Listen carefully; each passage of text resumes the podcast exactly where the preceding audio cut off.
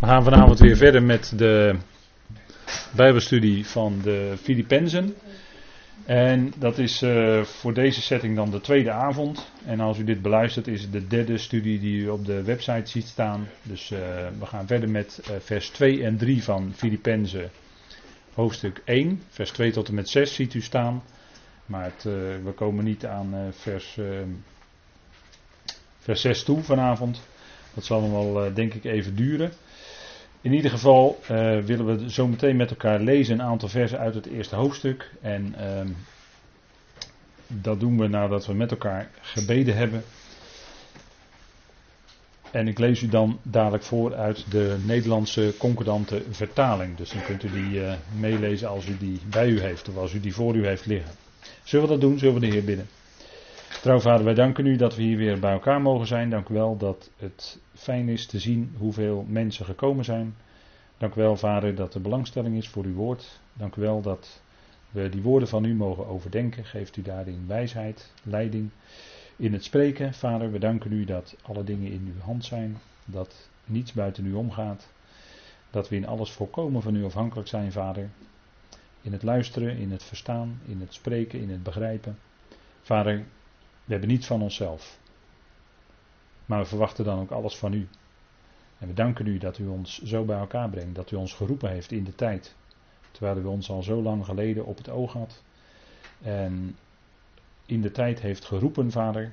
Dank u wel dat u ons oren gaf naar het woord van de waarheid, van het Evangelie. Dat we dat ook vanavond met elkaar mogen overdenken. En die gemeenschap ook met elkaar mogen ervaren. Vader, dat het goed is om onder uw woord te zijn. Dat het goed is om met elkaar te bidden, te danken, met elkaar te spreken. Vader, we danken u dat u ons rijk maakt door dat machtige evangelie, door uw woord. En dank u wel dat we zo ook vanavond weer wat verder mogen komen in deze bijzondere brief, Vader. Geef ons daarin alles wat nodig is. We danken u daarvoor dat u dat doet. In de machtige naam van uw geliefde Zoon. Amen. Goed, wij lezen met elkaar de eerste versen uit deze brief. En dat doe ik dan uit de concordante vertaling, vers 1 tot en met 6. Paulus en Timotheus, slaven van Christus Jezus, aan al de heiligen in Christus Jezus die in Filippi zijn, tezamen met de opzieners en dienaren. Genade voor jullie en vrede van God onze Vader en van de Heer Jezus Christus. Ik dank mijn God bij elke herinnering aan jullie, altijd in iedere bede van mij, voor jullie allen met vreugde deze bede uitsprekend, vanwege jullie bijdrage aan het evangelie vanaf de eerste dag tot nu toe. Hiervan overtuigd dat hij die onder jullie een goed werk onderneemt, het voltooien zal tot aan de dag van Jezus Christus. En de dag van Jezus Christus, dat is de dag die in de toekomst nog ligt. En dat is de dag waar ook wij naartoe leven. We zullen daar in de toekomst nog wel verder op ingaan. Maar dat heeft natuurlijk alles te maken met deze brief aan de Filippenzen. Waarin, we, zoals gezegd, uh, waarin het zoals gezegd gaat om onze wandel en onze dienstbetoon in de gemeente. En dan misschien nog wel in het bijzonder gericht aan de opzieners en de dienaren. Hè. Die worden in de aanhef uh, ook specifiek genoemd. En als je de brief zo leest, dan zou je je kunnen voorstellen dat ook de opzieners en de dienaren deze woorden van deze brief juist extra ter harte zouden nemen. Omdat het voor hen uh, ja, misschien nog wel wat meer en wat zwaarder geldt dan voor de andere gemeenteleden. Hè? De, al de heiligen in Christus Jezus. Die heiligen die zich bewust zijn geworden van een hemelse roeping. Een roeping te midden van de hemelingen. En die hemelse Heer die roept, dat is uh, Christus Jezus. En hij roept de gemeenteleden tot een bediening eigenlijk uh, boven, maar het gaat nu nog even om deze tijd hier op aarde. Hè, hoe we ons hier op aarde gedragen, hoe we hier op aarde zijn. En in deze brief wordt, worden een aantal voorbeelden genoemd tot navolging. Vier voorbeelden, die kent u wel. En de houding, de gezindheid, de, het gedrag van die voorbeelden zouden wij navolgen. En zeker geldt dat voor de opzieners en de dienaren. En daar is in de eerste avond, of in de eerste studie die u kunt beluisteren, is daar al het nodige over gezegd. Hè? Maar een opziener, dat is een, uh, episkopos in het Grieks. Daar kennen wij het woord bisschop van. Niet dat wij eh, een kerkelijke hiërarchie van bisschoppen kennen in de gemeente. Dat is een totale, ja, hoe moet je dat zeggen? Een totale afwijking eigenlijk van het model, of het model, hoe moet je het zeggen? Uh, de onthullingen zoals die in de brieven naar voren komen. Een opziener is een episcopos, dat, dat, is, dat wil zeggen en degene die opmerkt. Hè, dat heeft te maken met de Griekse werkwoord, dat betekent opmerken. Niet alleen gewoon zien, waarnemen, maar het is iets meer, het is opmerken. En dan staat er nog een voorzetsel voor, het Griekse voorzetsel epi. En dat betekent dat het nog wat meer nadruk heeft. Hè. Die zien, die merken op, op de gelovigen. En die zetten zich daar extra voor in. En als je het Nieuwe Testament erop naslaat, de brieven, dan uh, worden daar wel best, best bepaalde, uh, ja, hoe moet je dat zeggen? Uh, voorwaarden, eisen klinkt zo zwaar. maar er worden een heel aantal aspecten genoemd. Hè, als je kijkt in de brieven, 1 Timotheus 3 onder andere, die voor een opziener gelden. En nu is het zo dat een opziener altijd ook een oudste is. Een opziener kan nooit een jongeling zijn, staat er dan. Het kan nooit een nieuweling zijn. Het kan niet iemand zijn die misschien nog jong is en in de maatschappij een uh, goede opleiding heeft gehad. En op basis van die maatschappelijke wereldse opleiding, om het zo maar te zeggen, dan ineens al opziener in de gemeente kan zijn. Dat kan natuurlijk niet. Vandaar dat Paulus daar ook zegt in 1 Timotheus 3 dat een opziener um, geen uh, nieuweling zal zijn. Het moet geen nieuwe zijn die pas in het geloof is, hè? geen pas gelovige. Het moet iemand zijn die ervaring heeft in het werk van de Heer, die wat langer meeloopt. Hè? Het moet in principe ook een, uh, een, een oudere zijn, hè? dat zegt het woord ook, presbyteron, dat betekent oudere, hè? een senior in uh, het Grieks. En um, nou, zo'n uh, zo'n opziener, hier wordt gesproken over opzieneurs. het nieuwtestamentische model, om het zo maar te zeggen, in de brieven is geen, een, niet één voorganger die alles in uh, handen heeft en alles regelt en alle lijnen uitzet. Dat is niet het, uh, dat is niet het model in de brieven. Dat, dat, dat de kerk daarvan is afgeweken, dat is heel wat anders met hun predikant.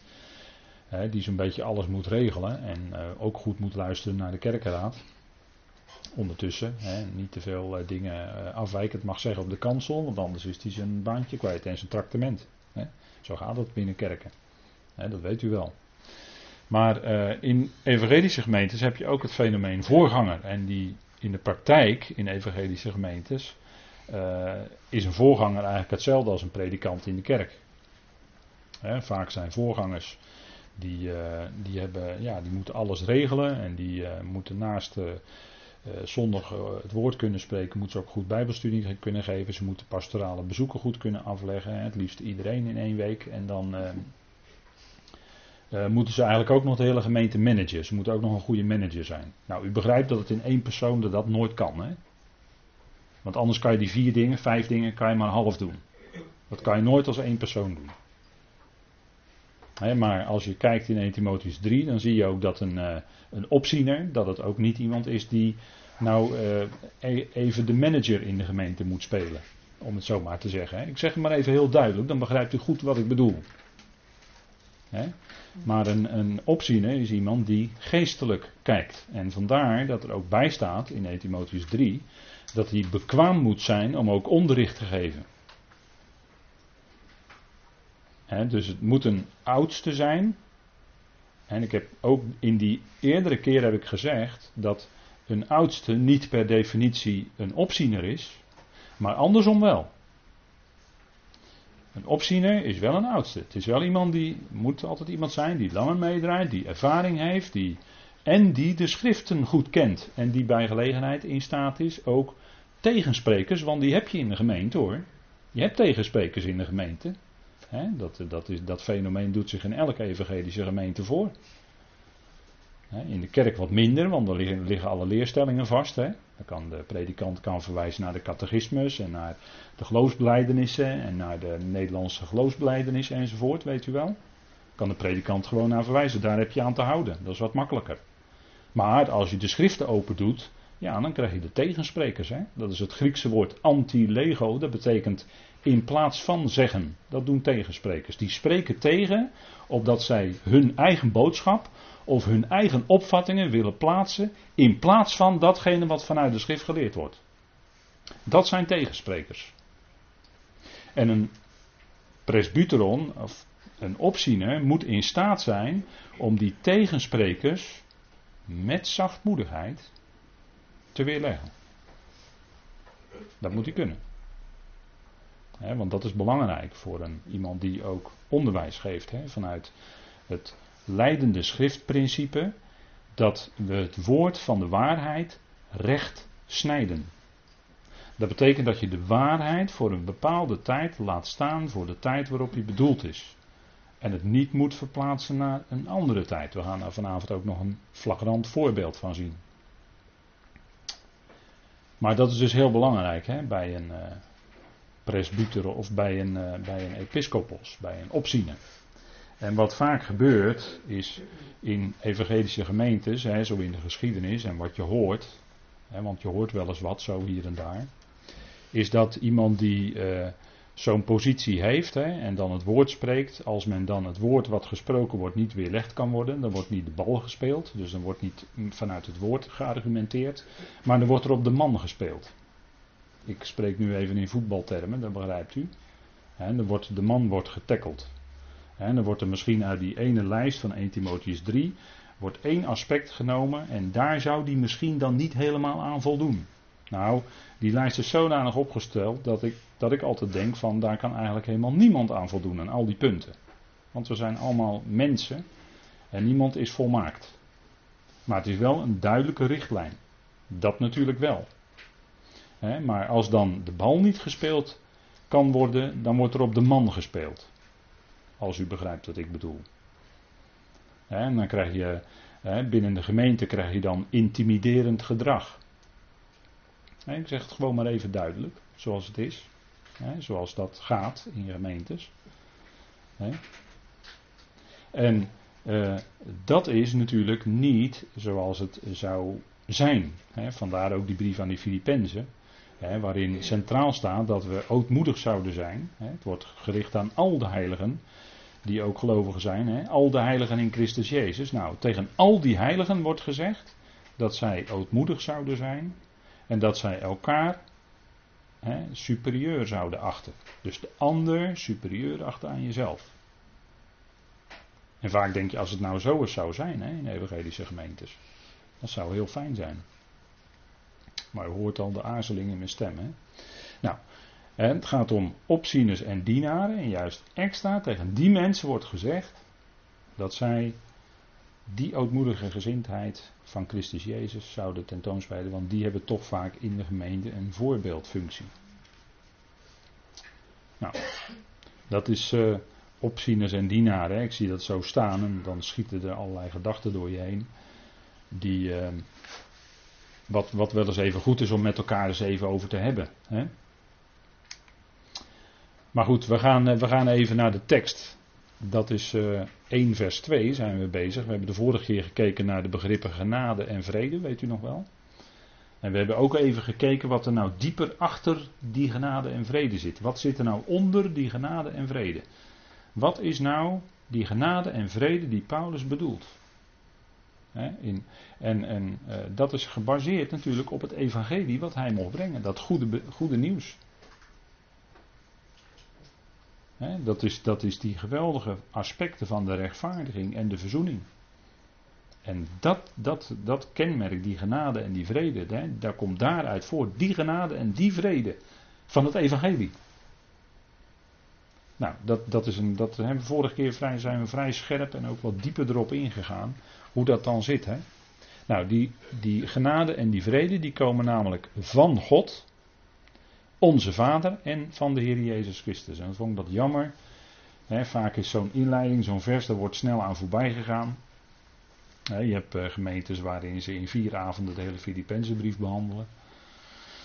Ik denk dat je dan heel veel laat liggen. En vandaar dat ik toch even wat dieper in wil gaan op God. Wie is God? Volgens de schrift. als je in de wereld gaat rondvragen wie God is, dan krijg je allerlei antwoorden natuurlijk. Ga je maar eens even ergens zomaar willekeurig op de markt dus rondvragen. Als het heel druk is op de markt en dan gaan die mensen daar zo eens vragen van... Wat denkt u als ik tegen u het woord God zeg? Nou, dan krijg je allerlei antwoorden natuurlijk. de een zegt het is die en de ander zegt het is die. En de ander zegt het is drie. En ja, hoe zit het nou volgens de schrift? Hè? En de schrift, kijk, van Israël is de beleidenis die zij kennen met, met uh, ja, dat, dat, dat, wordt er van jongs af aan natuurlijk zo diep ingebracht bij elke, bij elke kind. Hè. Hoor Israël, JW, onze Elohim, JW 1. En dan zeggen wij voor het gemak in het Nederlands is, maar er staan in het Hebreeuws geen werkwoorden in die zin. Er staat na één werkwoord dan horen. Dat is, dat is het, misschien nog wel een van de allerbelangrijkste dingen. Hoor Israël, JW, onze Elohim, JW, één. En dan spreken ze de naam niet uit. Afgelopen weekend uh, spraken we ook nog Joodse mensen en die hadden het dan over Hashem. En u weet, Hashem, dat is de naam. Dus die spraken die, die naam natuurlijk niet uit. Dat is bekend van de Joden. Op grond van het gebod van, uh, gij zult de naam van de Heer uw God niet ijdel gebruiken. Dat staat in de wet. Hè? Gij zult die naam niet ijdel gebruiken. Er staat niet in de wet dat je die naam niet mag gebruiken. Maar er staat in de wet dat je die naam niet ijdel zou gebruiken. Niet leeg zou gebruiken. En ze hebben daarvan gemaakt dat ze dan die naam helemaal maar niet uitspreken. Want stel je voor dat. Goed. Dat is een standpunt, maar als je echt in de Torah zelf kijkt, in de tien woorden, dan staat er dat we die naam niet ijdel, niet leeg zouden gebruiken. En uh, dat denk ik ook wel eens als ik nadenk over de naam van onze Heer, namelijk Jezus. Want als je dan evangelische diensten hoort of ziet, je maakt dat mee, dan wordt die naam Jezus vaak, uh, denk ik wel eens toch uh, te pas, maar ook wel eens te onpas gebruikt dan wordt er zo vaak Jezus gezegd dat ik denk van, volgens mij gaat nu de waarde van die naam en de, de, de kracht die in die naam zit, gaat nu verloren door het vele gebruik. even in één zin of in tien zinnen of in een lied. Wij zingen dat ook wel eens. Moet je tien keer Jezus zingen. En meestal stop ik na de tweede keer. Dan vind ik het al een beetje gênant worden eigenlijk. En dan wordt het bijna dan ga ik bijna een vervelend woord zeggen, maar dat ga ik niet zeggen, dat slik ik gauw in. Maar God is één, hè? Dat, dat leert de Jood. Hè? God is één en er is één God. En dan zeggen ze Adonai Echad. Hè? Dat hoort u dan. Hè? Adonai Elohenu. Hè? Onze God Elohenu zeggen ze dan. Oe is de uitgang van ons. Dat betekent dan ons in het Hebreeuws, als er oe achter staat. Elohenu, Adonai, dat is dus een Ander begrip voor Heer. Hè, ander begrip voor de naam. Adonai, Echad. En Echad is één. Dat zeggen ze. Hè, dat is het beleiden wat de Jood doet. En natuurlijk is dat de grondwaarheid van heel de schrift. Hè. Er is één God. Er is één God. En als we onderscheid willen maken, dan zeggen we er is één God die echt absoluut God is. De Vader. En daar hebben we het nu over. En dat is volgens de Hebreeërs is dat al. Dat zijn de letters Alef, Lamet in het Hebreeuws. En Alef, dat zeggen ze altijd, dat is de letter van God. Dat is de één. Dat is die ene.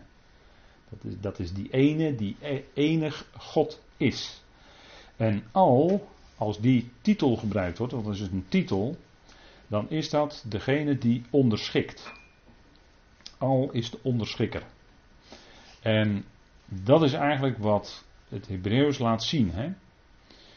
Um, ja, ik, ik, ga er niet te diep op in, anders dan wordt het te veel. Uh, maar in ieder geval is wel de titel van, van onze God is al, de onderschikker. En dat is het grote werk wat hij doet tijdens zijn plan van eonen. Als we kijken naar het Grieks, dan is het woord theos, komen we tegen, theos, En dat betekent plaatser. het, eh, het, het woord THE, dat is afgeleid van een Grieks werkwoord. En dat betekent plaatsen of de plaats geven. Dus theos betekent plaatser.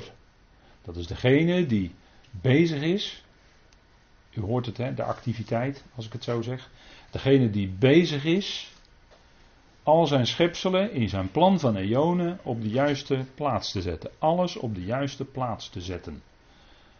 En dat is ook wat we altijd zouden bedenken als we het hebben over God, de God van de Bijbel. Die is altijd actief. Die is niet statisch. Hij heeft wel een hoge positie, maar dat wil niet zeggen dat het statisch is. Nee, als we het hebben over God, is het altijd dynamisch. Er zit altijd dynamiek in. Hij is altijd actief. En het is hij vanaf het begin af aan. Hij is actief bezig in zijn schepping. En dat is hier ook vandaag aan de dag. En ook al denken mensen dat God zwijgt in deze tijd, en van één kant bekeken is dat ook zo, God zwijgt inderdaad. Er komen geen nieuwe onthullingen bij.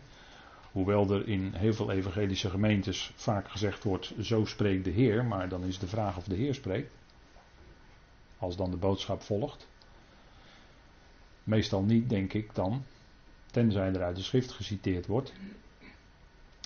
Maar God, hè, van een bepaalde kant bekeken, God zwijgt. En wij zeggen nee, helemaal niet. Want wij hebben de schrift en hij spreekt tot mijn hart. Zeker, hij spreekt tot ons hart. Voor ons niet, voor ons is het open gegaan. We hebben zijn geest mogen ontvangen. Hè, speciale toedeling van zijn geest. En daardoor zijn we geïnteresseerd in de schriften. Dat is het kenmerk van een gelovige. Waar geloof je nou in de schrift? Stel je voor dat een gelovige zou zeggen: Ik geloof in mezelf. Dan zou je zeggen: moet even naar de dokter. Dat zou ik dan inderdaad ook zeggen, ja. Eh, in de schrift kom ik die beste geneesheer tegen hoor. De beste die er is. Maar God is altijd actief bezig met plaatsen, met onderschikken. En men zegt dan, hij zwijgt in deze tijd. En als wij kijken met het oog van de profeten, als we kijken in het profetisch woord, dan zien wij dat God vandaag aan de dag in de wereld actief bezig is. Waarmee? Nou, met het verzamelen van allerlei volkeren rondom Israël, om ze daar te plaatsen, daar heb je hem weer, de plaatsen, om ze daar te plaatsen, en dat werk is eigenlijk al gebeurd, dat is eigenlijk al klaar. Om zo straks Israël in de klem te kunnen zetten. Dat is het punt, hè? Zover zijn we al in de tijd. En in Israël zelf heeft hij mensen bewogen om het hele tempelgerij klaar te maken. En dan kom je in Jeruzalem en dan kijk, kom je bij het tempelinstituut en dan zie je daar al die, al dat gerij zie je klaar liggen en klaar staan. Dus dat is allemaal al klaar, de tempeldienst kan zo beginnen. En men kan in één maand kan men een tempel opzetten, heb ik begrepen. En sinds kort weten we ook dat het Sanhedrin de Kohen Gadol heeft benoemd, hè, de hoge priester. Dus de hoge priester is er ook al. En dan denk je, nou, wat let de Heer nog om de bazuin te laten klinken? Nou, kennelijk is er nog geen tijd. Want hij is ook nog bezig in deze tijd een ander werk te doen. Dat is namelijk de roeping van de uitgeroepen gemeente. De gemeenteleden roepen. Dat is ook het werk wat hij nu doet. En wat de Heer in deze tijd doet, daar hebben we vorige keer ook al heel even bij stilgestaan is het heiligen en het reinigen van de gemeente. Dat is niet wat wij zelf moeten doen. We moeten onszelf niet de hele dag afvragen: wat heb ik nou tot verkeerd gedaan en moet ik dan beleiden. En, hè? Nee, de Heer spreekt zijn woord. Hij heeft ons gereinigd en hij houdt ons vervolgens rein. En heilig. Dat is het werk wat hij nu doet. Dus daardoor is God is actief bezig in deze tijd met allerlei belangrijke ontwikkelingen. En dat is zijn werk. En hij werkt ook in ons als gelovigen persoonlijk. Dat is, dat is een van de belangrijke hè, woorden uit deze Filippense brief. Dat God het is die in ons als gelovigen zowel het willen als het werken bewerkt naar zijn welbehagen. Dat is God. God is het. Ziet u het? En dan wordt ook direct gesproken over God. Die is actief bezig in ons als gelovigen. En dat doet hij door zijn woord, door zijn geest in ons. En dan bewerkt hij in ons dat wij willen om te werken, die werken, die goede werken die hij tevoren gereed gemaakt heeft. Opdat we daarin zullen wandelen. En het is dus allemaal werk van God. Hè? En dat is eigenlijk wat hij. Eh, op vele manieren is hij dus bezig in deze tijd. Kijk, als we even heel fundamenteel spreken over God. Dan is hij de maker of de schepper van alles. Voor ons is dat een axioma, een uitgangspunt, een grondwaarheid. Maar voor veel mensen is dat ook discutabel. Hè? Ook eh, binnen christenen. Hè, dan noem ik Andries Knevel, die, uh, hè, weet u wel, die, uh, de, de EO-corrivee. Die, die, die, die twijfelt echt openlijk aan de schepping hoor. Die wil ook een plek geven aan evolutie. Maar als je zijn woord erop naslaat, dan is dat volstrekt duidelijk. En ik denk dat hij dan ook kan luisteren naar Paulus op de Areopagus. Hè, in Handelingen 17, dat we het even met elkaar opzoeken. Hè, Paulus die staat daar op de markt, hè, de Areopagus in Athene. Het centrum van uh, de wijsheid van die tijd. En uh, we leren uit de Korinthebrief, en dat hadden de Corinthiërs ook nodig. Maar wij natuurlijk ook allemaal. We leren uit de Korinthebrief dat God de wijsheid van deze wereld tot dwaasheid gemaakt heeft. Wat zeg je? God heeft de wijsheid van deze wereld tot dwaasheid gemaakt in zijn ogen, in het licht van zijn wijsheid, wordt de wijsheid van de wereld dwaasheid. En de wereld vindt die wijsheid van God ook maar dwaas. Dat is dan weer andersom. Maar de wereld loopt in de waan en die heeft niet door dat ze in de waan lopen. En dat ze ten prooi gevallen zijn aan hun eigen dwaasheid. Hoe kun, je hoe je dat zien? De, de dwaasheid van de wereld. Nou, moet u één avond uw televisie aanzetten. Dan ziet u de dwaasheid van de wereld. Waarschijnlijk heeft u na een half uurtje al genoeg. Dan weet u al genoeg. Als u met een scherp oog kijkt. Maar dan, uh, wat ons uh, voorgeschoten wordt, is allemaal dwaasheid. Of verdwazing, of hoe je het ook noemen wil. En Paulus, die zegt op de Areopagus tegen uh, de Atheners.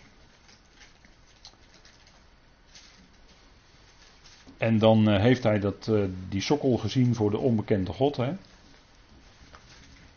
Want ja, er waren Atheners die dachten, ja, waarschijnlijk is er wel een God, maar die kunnen wij niet kennen. Dat waren agnosten. Hè? Dat zijn ook veel mensen tegenwoordig, hè? Die, die zeggen, ja, ik ben agnost. Dan zeg je, ik kan God niet kennen. Nou, Paulus, dan denk ik van, dan moet je naar Paulus luisteren. Want die zegt in vers 24 van Handelingen 17: De God die de wereld gemaakt heeft en alles wat daarin is, alsjeblieft.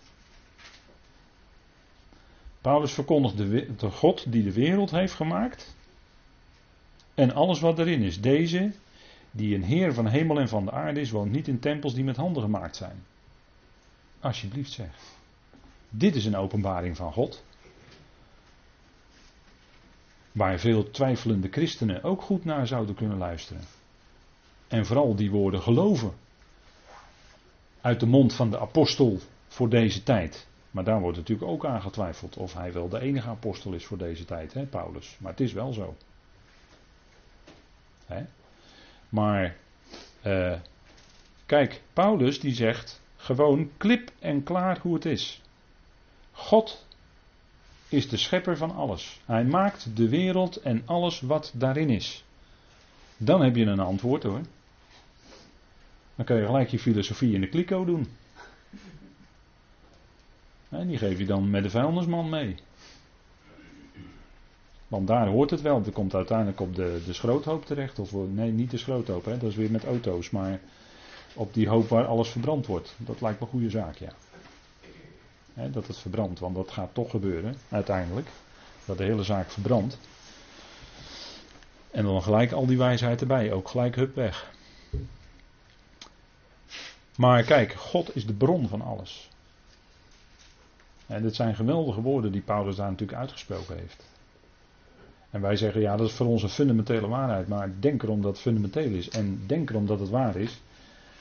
En dat wij dat als kostbare waarheid koesteren. En waar de mens daarvan gaat afwijken, zegt Romeinen 1, gaat afwijken van die ene God. En die God niet langer wil erkennen als God, namelijk als plaatser. Daar gaat die mens ontsporen. Dan raakt hij het spoor bijster. En dat zie je in onze tijd aan alle kanten. Dat die mensheid het spoor bijster is geraakt. Dat is, het, dat is, het, dat is eh, de, de, de, hoe moet je dat zeggen, de bedenkelijke vrucht van de verlichting.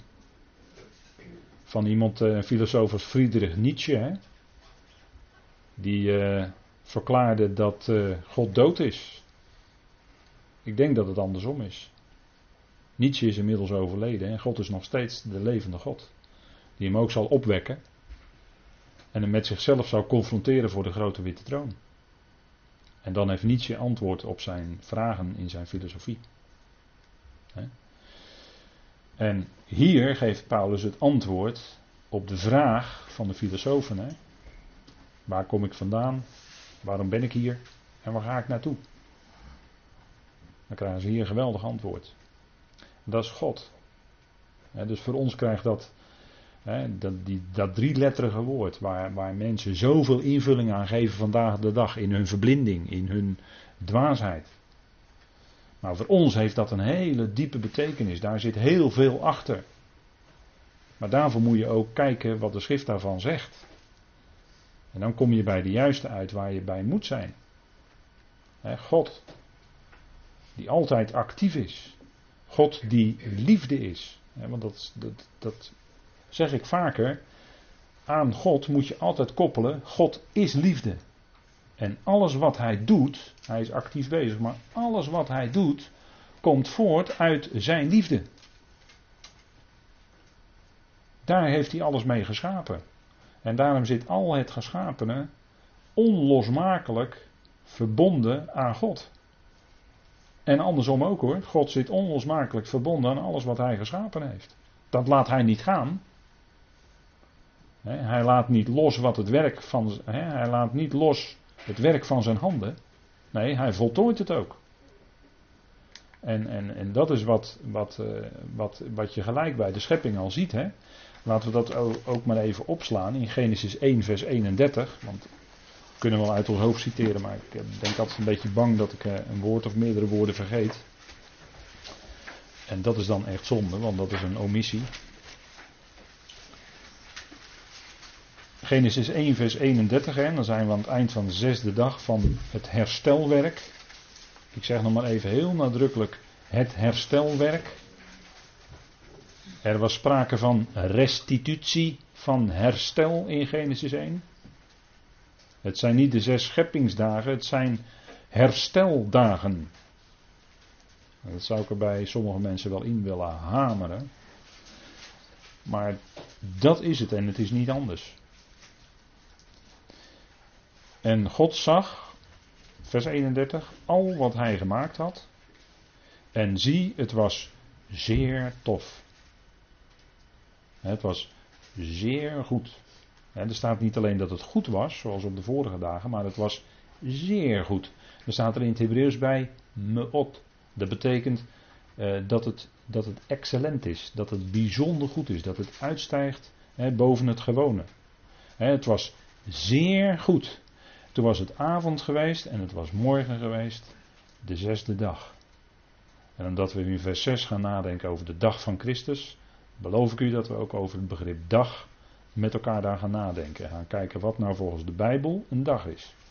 Maar daar komen we dan nog op. Maar al wat God gemaakt had, was zeer goed. En dan zeggen wij, was het dan volmaakt? Nee, het was niet volmaakt. Maar het was allemaal zeer goed met alle bedoelingen die God ermee had. Want hij zou alles wat hij in, die, in het herstelwerk tot stand had gebracht, nadat die nederwerping al geweest was. En er was dus sprake ook van de slang, hè, de nagas. Maar dat was allemaal zeer goed, want het paste allemaal precies in zijn plan. En daarom was het zeer goed. Alleen om die reden. Niet dat het volmaakt was. Dat het volkomen was in de zin van uh, alles perfect. Nee, nee, natuurlijk niet. Dit is, dit is de oude schepping. Er moet nog een nieuwe schepping komen. Wat dacht je wat? En in het licht van die nieuwe schepping is deze oude schepping bij lange na niet volmaakt hoor. Maar deze oude schepping is zeer goed. Waarom? Omdat hij die nieuwe schepping uiteindelijk zal voortbrengen. Want de hele schepping wacht op de onthulling van de zonen van God. En dat is de eerste prelude van die totale vernieuwing van die nieuwe schepping die gaat komen. Met rijkhalsend verlangen, zegt Romeinen 8 dan.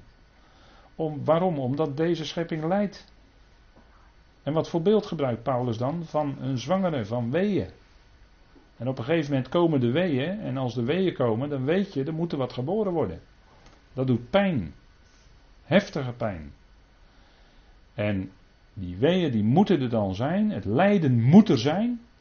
Opdat dat nieuwe, die nieuwe schepping tevoorschijn zou komen. Opdat die nieuwe schepping zou komen. En die komt ook. En daarom is deze oude schepping, ik had het net over vuur. Daarom is deze oude schepping, wordt in vuur, tot het vuur bewaard, zegt Petrus dan, hè, in 2 Petrus 3. En Petrus had er ook al last van hè, in zijn dagen. Toen waren er ook van die uh, mensen die opmerkten: ja, waar blijft nou de belofte van zijn komst? Die heb je vandaag ook. Ah, het duurt nou al zo lang en jullie zeggen nou al zo lang dat die zijn gaat klinken. Dan zeg ik van nou wees blij, dan zijn we er weer dichterbij. Het heeft al lang geduurd, we zijn er nu heel dichtbij dan. Wat dacht je wat? En kijk, God heeft die schepping natuurlijk, of heeft dit niet zomaar gedaan. Hij heeft die schepping niet zomaar geschapen. Want ja, kijk, die restitutie leren we, dus, eh, dat roept altijd weer discussies op hè, als je erover begint. En dan gaan we, ja, en moet dat vers in Genesis 1, vers 2, moet je, moet je dat nou vanuit het Hebreeuws vertalen met was of met wordt? Dat is een schijndiscussie hoor. Schrijf ik gelijk aan de kant. Alle grammaticale argumenten ten spijt. Dat is een schijndiscussie. Want kijk, in Jezaja 45, daar staat ook iets over dat God de schepper is. In Jezaja, dat is een mooi boek hoor.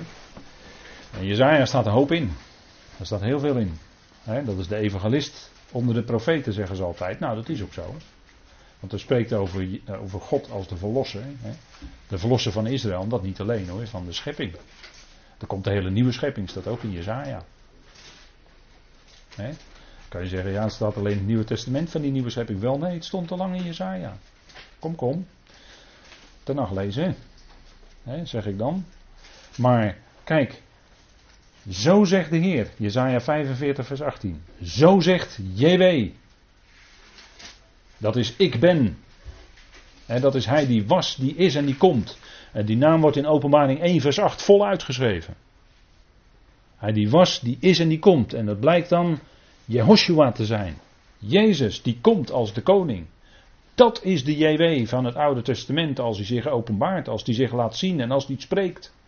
Dan is het Jezus in zijn heerlijkheidsgestalte voordat hij mens werd. Want zo zegt de Heer, hè, hij spreekt, die de hemelen geschapen heeft. Hè, in uw vertaling staat misschien enkelvoud hemel, maar in het Hebreeuws staat het woord altijd als een duaal is meervoud. Shamayim. Staat nooit in het enkelvoud in het Hebreeuws. Shamayim, hè, een duaal is. Twee hemelen. Die de hemelen geschapen heeft. Die God die de aarde geformeerd. En die haar gemaakt heeft. Er worden er drie woorden gebruikt. Hè? Scheppen, maken en formeren. Dat is de kracht van God die zichtbaar werd in heel die schepping. En zichtbaar wordt dat, zijn, dat, zijn, dat is niet zomaar poëtisch taalgebruik of zo, dat hier drie verschillende werkwoorden gebruikt worden. Nee, dat is scheppen, dat is maken, dat is formeren. Dat is al die scheppende kracht die God daarin legt. Om het zo te modelleren, zo te maken zoals het precies zijn doel dient. je moet niet aan die woorden van de schrift voorbij lezen. Hij heeft daar gegrondvest. En die aarde staat vast. Eigenlijk geloof ik niet dat die aarde zo snel ronddraait. Dat geloof ik eigenlijk niet. Als ik de Bijbel lees, Dan vind ik dat nergens terug. Ja, wat de wetenschap allemaal zegt, ja. Ja, ach, ja. Ik heb het ook allemaal geleerd hoor, op het VWO. Maar, ja, als je de Bijbel leest. De Bijbel zegt dat de aarde vast staat. De Bijbel zegt nergens dat de aarde ronddraait. Zegt hij nergens. De Bijbel zegt dat de zon een bepaalde baan aflegt, elke dag. Hè? Die gaat van de ene kamer, hijgt hij zich naar de andere, hè? dat hij, dat weer, weer onder zal gaan. Hè? Staat in Psalm 19, weet u wel. Met prachtige, prachtige psalm, Psalm 19. Echt prachtig. Dat ben ik altijd, eh, mag ik altijd heel graag lezen, Psalm 19. geweldig is dat. Maar ik lees nergens in de schrift dat de aarde snel ronddraait. Zoals de wetenschap beweert. Maar op dat punt, als u daar naar gaat zoeken, zou het wel eens kunnen zijn dat wetenschappers veel minder zeker zijn dan aan ons wordt geleerd in de boekjes. dan, dan noem ik alleen nog maar even de kromming van het licht in het heelal. zwarte gaten. Die buigen het licht af. Wij zeggen dan zwarte gaten, maar goed, wat het nou precies zijn. Die buigen het licht af. En wij maar denken dat het licht in een rechte lijn gaat. En dat er een ster zoveel miljard lichtjaren ver weg staat. Ah, daar moet ik echt om lachen hoor. Dat is allemaal filosofisch benaderd in de wetenschap. Men heeft er geen bewijzen voor hoor. Het zijn allemaal aannames die gedaan worden. Maar als ik hier lees dat hij de aarde heeft gegrondvest en dat de aarde vast staat, dan geloof ik dat ja. Dat geloof ik. Dat, dat staat hier. dus daarover zouden we ook nog wel een heel, hele boom kunnen opzetten, om zo maar te zeggen. En dan staat er, hij heeft haar niet geschapen opdat zij woest zou zijn. En in Genesis 1 vers 2 staat dat de aarde woest en ledig was. Maar God had er niet zo geschapen, staat hier. Dat is het antwoord op Genesis 1 vers 2. En dan kan je discussiëren wat je wil over was of wordt. Of werd. maar er staat een vorm wat je heel goed kan vertalen met worden of was zo geworden. Helemaal geen probleem. Maar hier staat dat hij haar niet geschapen heeft opdat zij tohu, woest zou zijn. En wat lezen wij in Genesis 1 vers 2? Dat de aarde woest en ledig was. Hetzelfde woord. Tohu va bohu wordt daar gezegd. Maar zo had de Heer die aarde niet geschapen. Dus er is iets gebeurd, dat kan niet anders. Er was duisternis. Dacht u dat God die licht is? Dat, in het begin, dat er in het begin ook gelijk dan sprake was van duisternis? In het begin was, het toch, was God er alleen. En alles heeft hij uit zichzelf voortgebracht. Wat dacht u dat er in het begin dan was? Alleen licht. Pas toen God het licht terug ging houden, en dat is het woord voor duisternis, want dat is goshek in het Hebreeuws, en dat betekent eigenlijk terughouden. Dat is het woord eigenlijk voor duisternis. Dat betekent dat God het licht terughoudt en dan ontstaat de duisternis, ja. Dus die duisternis en die woestheid en die ledigheid van Genesis 1 vers 2, die waren er in het begin niet hoor. Die zijn er later gekomen. En dat is precies wat hier staat, want hier wordt gesproken over de schepping van de aarde. En dat God haar niet tot een tohu heeft geschapen. En aan dat woord hou ik me vast. Want dat is wat hier staat in Jesaja 45 vers 18. En dus is de rest van Genesis 1 herstel. Restitutie dus.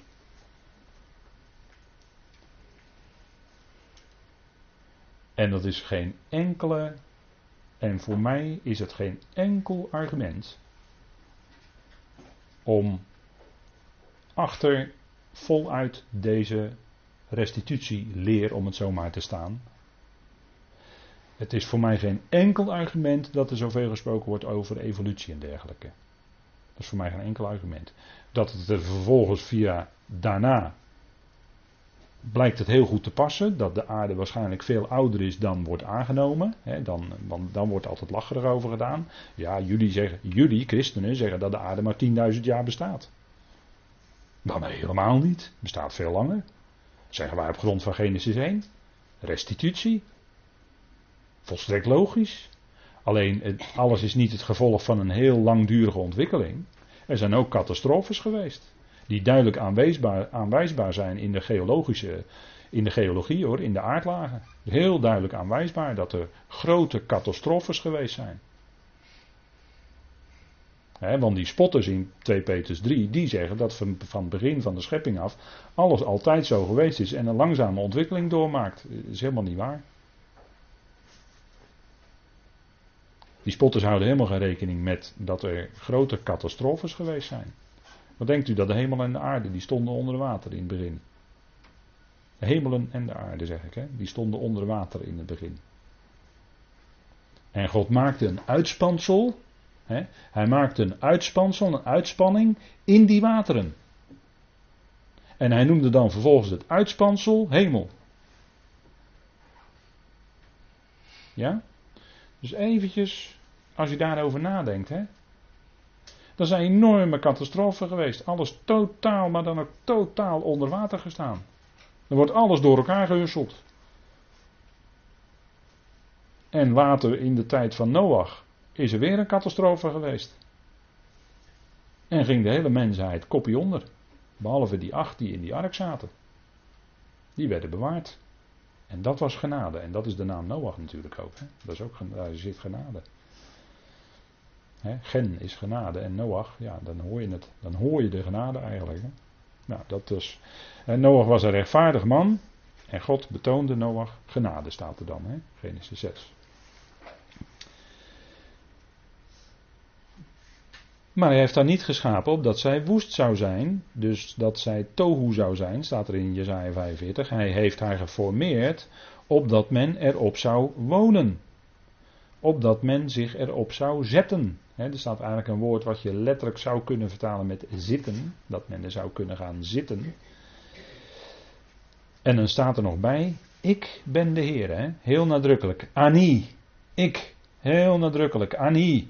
Ik ben de Heer en niemand anders. Ik ben Yahweh, ik heb dat geschapen. En, en mensen die dat uh, ter discussie willen, eh, zouden willen stellen, dan zou je ook nog kunnen denken aan Job. Hè? Dat God tegen Job zegt: Joh, Job, waar was je nou, joh, in het begin? Toen ik alles schiep. Waar was je nou? Wat heb je nou te vertellen, joh? Mens. Waar was je nou in het begin toen ik alles schiep? Toen de morgensterren juichten. Toen ze zagen wat voor een geweldige schepping God tot stand had gebracht. Toen hij deze oude aarde maakte voordat hij verwoest was. Dat was een juweel, dat was geweldig. Maar er moesten nog allerlei dingen gaan gebeuren. God begon aan zijn plan van eonen. Maar toen die oorspronkelijke schepping gemaakt werd, staat in Job 38, hè, toen juichten de morgensterren, de hemelingen, die juichten toen ze dat zagen, wat God gemaakt had. Onvoorstelbaar.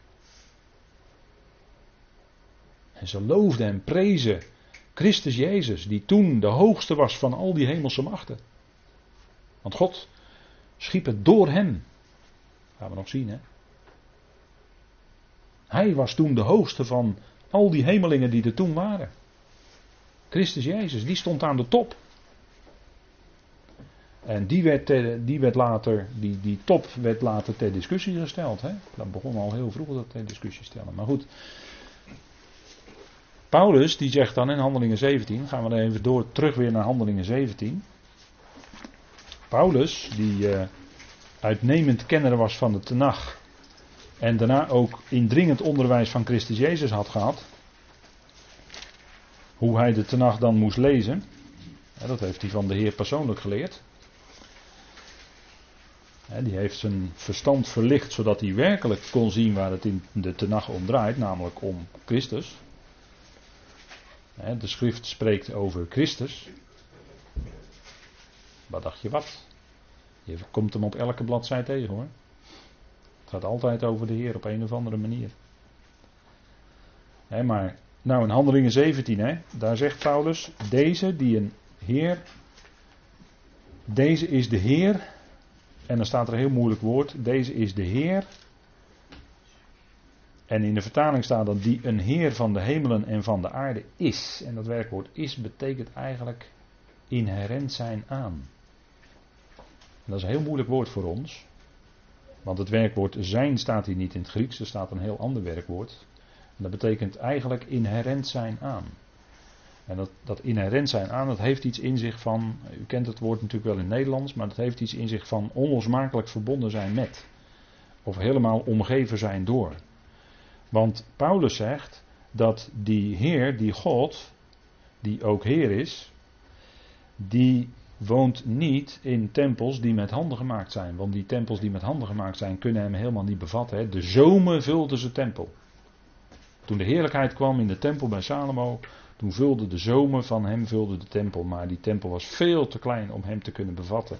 Want wat dacht u wat, die hele schepping is eigenlijk zijn tempel. En dat is wat Paulus hier zegt.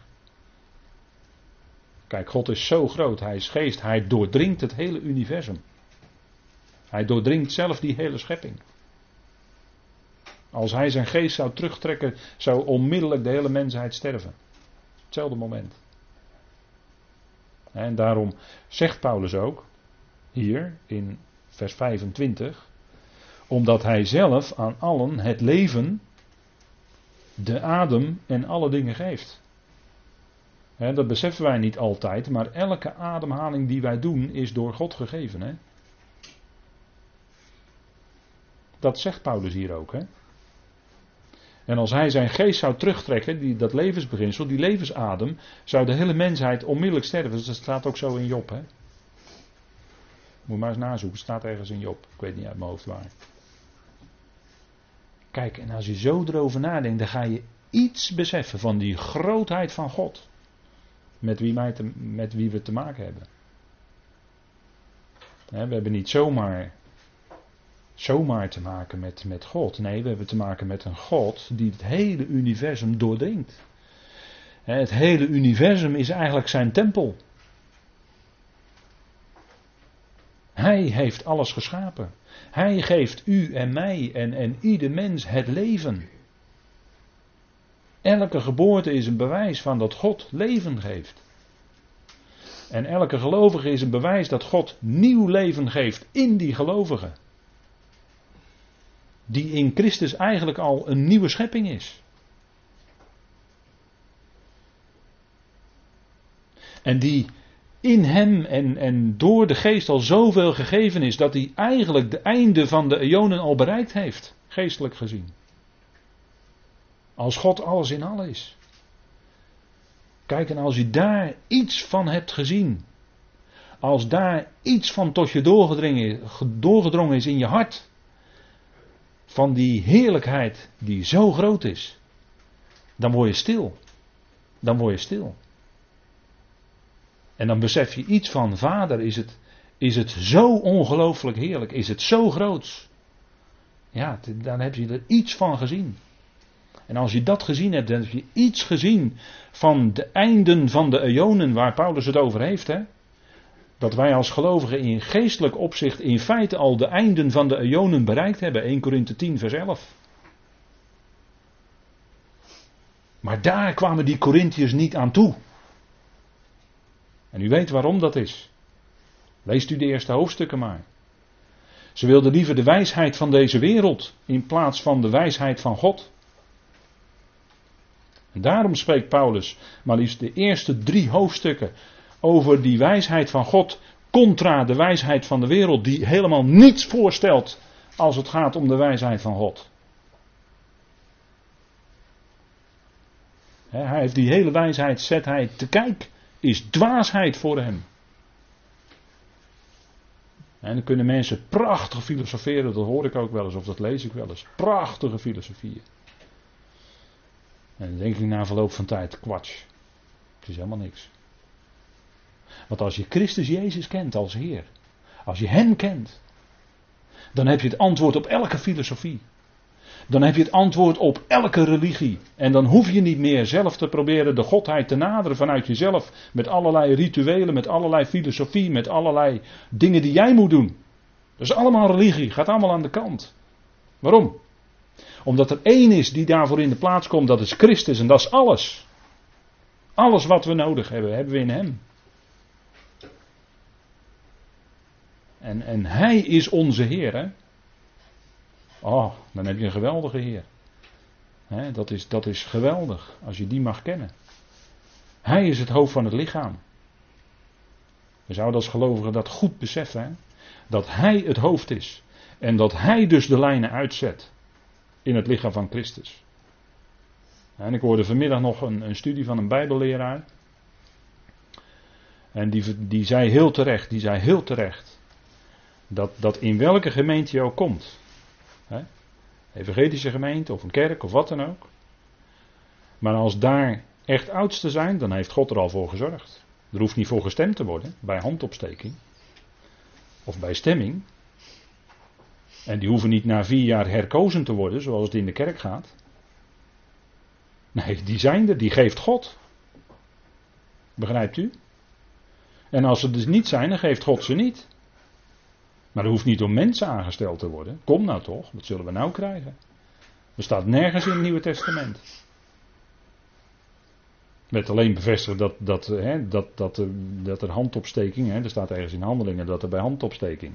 Hè, er wordt dan altijd uit afgeleid dat er dan over gestemd zou moeten worden. Ja, dat is onze democratische eh, waan waarin we lopen. Hè? Maar dat was alleen maar een erkenning van de oudsten die er al waren.